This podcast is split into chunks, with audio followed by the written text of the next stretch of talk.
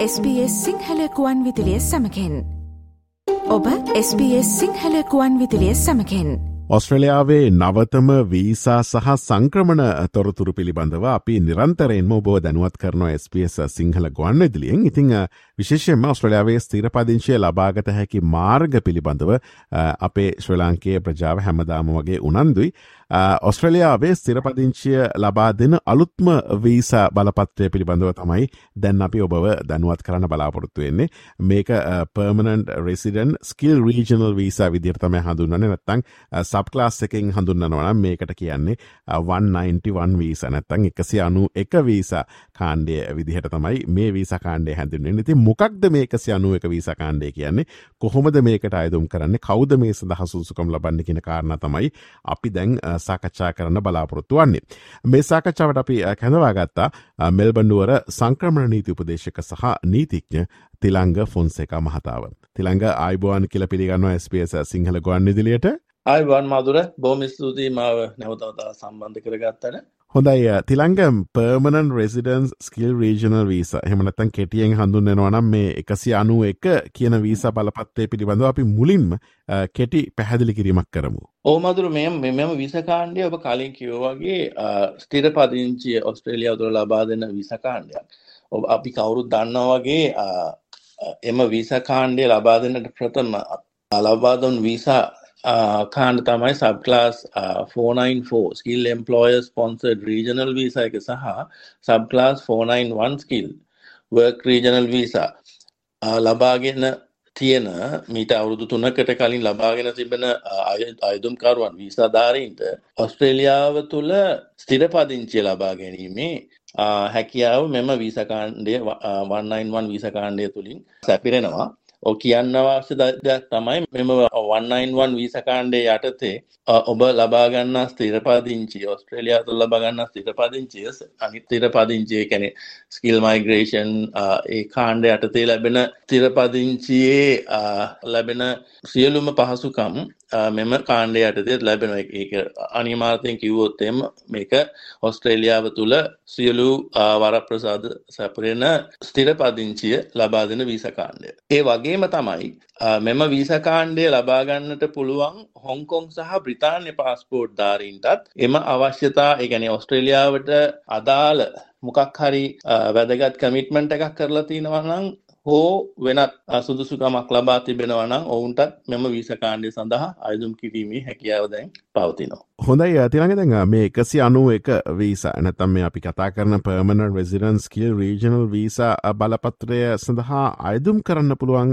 කාටද. ඕ ප්‍රධාන වශයෙන් ඔබ දන්නවාමදුර මම කලින් කිව වගේ මෙ වන්නයින්වන් වීසකාණ්ඩය අයදුම් කරන්න සුදුගන් ලබන්නේ ප්‍රධාන වශයෙන් subclass 494 skilled employer sponsored regional visa එක. හෝ subclass 491 skilled work regional visa එක යටතේ අවුරුදු පහක තාවකාලික වීසා පාදනම යටතේ අවස්ට්‍රේලියාවට සංක්‍රමණය වූ වීසලාබීන්ට ඒ වගේම තමයි ඒ වීසා කාණ්ඩ දෙකේම තියෙනවා වීසා සඳහා මේ කන්ඩිෂන් එක.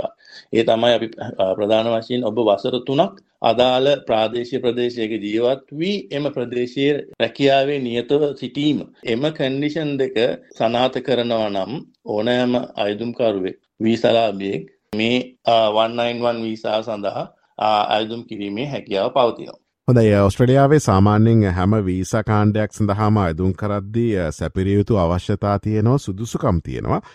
මේ එකසි අනුව එක වීසා බලපත්‍රය සඳහා අයදුම් කිරීමේදී සැපිරියයුතු අවශ්‍යතා සහ සුදුසුකම් මොනවද තිළඟ ඕමා දුරේක ඉත වැදගත් ප්‍රශ්නයක් අපේ ශ්‍රාවකයන් නිතර මහන ප්‍රශ්නයක්.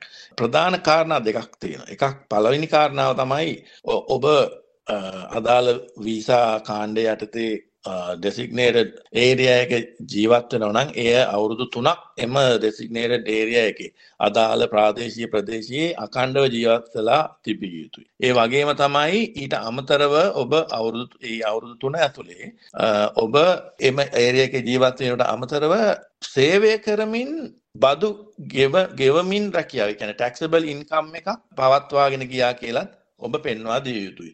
එහිදී අපිට ඇත්තනම මදුර මතුවෙන තව පැහැදිලි කරගතුතු කාරණයක් තමයි දැන් ප්‍රධාන වශයෙන් ඔබ ප්‍රාදේශීය ප්‍රදේශයක ජීවත් වෙද්දී ප්‍රාදේශීය ප්‍රදේශයේ රැකියාවක් සොයා ගැනීමේදී ඔබ සැලකිලිමත් වෙනව ඇතිනි බොහෝ වෙලාවට. මොකක්ද මං කරන්න ඕනේ? කොහෙද කාර්යාලය මොකක්ද කියලා දැන් උදාහරණයකට ගත්තොත් දැන් ඔබ වූල්වර්ත් සහ කෝල්ස් වගේ විශාල ආයතනයක සේවය කරනවා නම් ඒකේ මෞෂාකාවම ප්‍රධාන ශාකාව බෝවෙලාට පවතින මෙට්‍රොපොලිටන් ඒරිය එතකට ගොඩ දෙනෙක් අපෙන් අහන ප්‍රශ්නයක් තමයි එතකට මම ප්‍රාදේශීය ප්‍රදේශයේ තියෙන වූල්ප සෝවෙත් මෞෂාකාවට අනුබද්ධ ශාකාවක ප්‍රාදේශය සාකාවක සේවය කරොත් මෙම වීස කාණ්ඩයට අදාළ සුදුගම සැපිරෙනවාදීම සේවා කාලය සැපිරෙනවාදක ඔබ එහෙම තැනක රැකියාවක් කරත් ඔබගේ සේවා කාලය සැපිරෙනවා.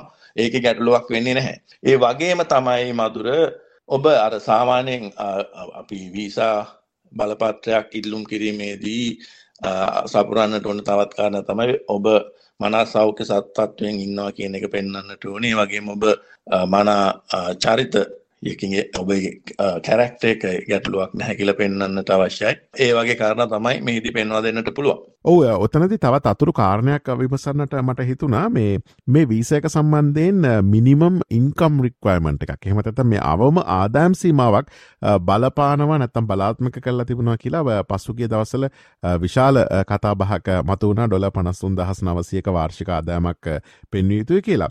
මේ සම්බන්ධයෙන් මේ වන විට තිබෙන තොරතුරු මොනවාද? ඕ ඒක වැදගත් ප්‍රශ්නයක් ඇත්තරම ඒක ඔබ කිවෝ වගේ කලින් ඒක අවමාදායම් මට්ටම ඔස්ට්‍රේලියන ඩොලස් ඩොලර් පනස් තුන්දස් නමසීයයි.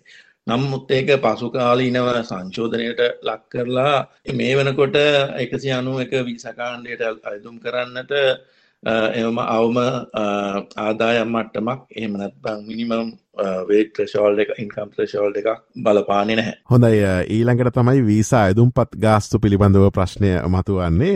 දැන් එකසයනු එක කියන මේ වීසා කාණ්ඩය සඳහා වීසා අයදුම්පත් ගාස්තු මොන විදිහටද සුදේශකටතු දෙපාර්තමේන්තුව අය කරන්නේ? ඕ මේ වනකට එක ප්‍රකාශයට පත් කරලා තියෙනවා. එක ප්‍රධාන අයදුම් කරු එමද ප්‍රයිමරි ඇපලිකන්ට තියෙන ගාස්තුව ඔස්ට්‍රේලියන ඩොල හාරසිය හැත්ත පහයි ඒවගේම ප්‍රධාන අයදුම් කරුට අමතරව අවුරුදු දහටට වැඩි පුද්ගලෙක් අයතුම් කරනොනං එම අයදුම් පතත් සමගම එය ඔස්ට්‍රේලියන් ඩොල දෙසිය හතලිහයි ඒ වගේම වයසකාණ්ඩය අවුරුදු දහට අඩු අයුදුම්කරුවෙක් සිටිනානං ඒක ඔස්ට්‍රේලියන් ඩොලර් එකසිය විස්සක් වශයෙන් තමයි.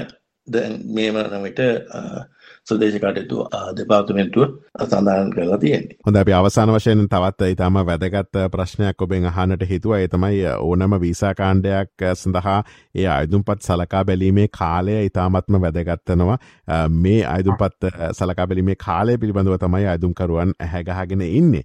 තැන් හාරස්‍යයනු එක හාරස්‍යයනු හතර කියන මේ වීසලාබෙන් එකසියනු එක වීසකාණ්ඩයට අයදුම් කරලා මේ එකසි අනුවක වීස බලපත්‍රය නැතන් අපි කියනවා ඉංග්‍රීසියෙන් ග්‍රාන් කරන්න නැතැන් පිරිනමන්න කොපමණ කාලයක් යනවද කියන ප්‍රශ්නය තමයි හැමෝටම තියෙන්නේ.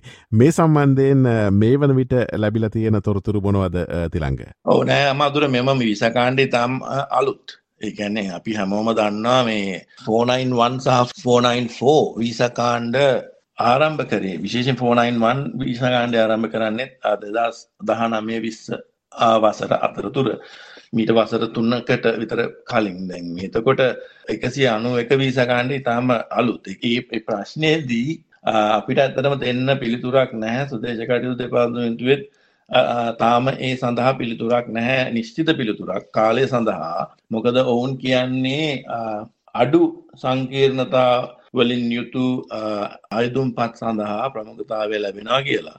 මං හිතන්නේ බොහොම නොදුර කියන ඇදුම් පත් ලැබෙන ලැබෙන ඔවුන්ගේ කාලසීම කාල ගණනය කිරීම ආරම්භ වෙයි.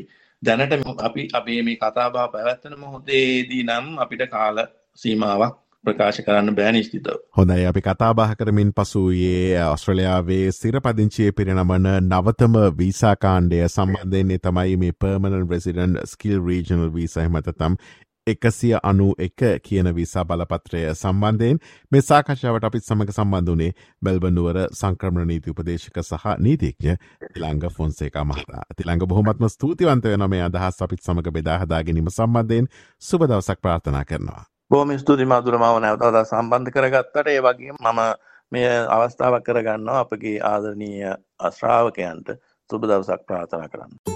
SBS? SBS. SBS. SBS. SBS. SBS Radio. මේ වගේ තවත්තොරතුරු දැනගන්න කැමතිද. එහෙමනම් Apple podcast Google podcast Spotify ඔබගේ පොඩ්කාස්ට ලබාගන්න ඕනෑම මාතයකින් අපට සවන්දය හැකේ.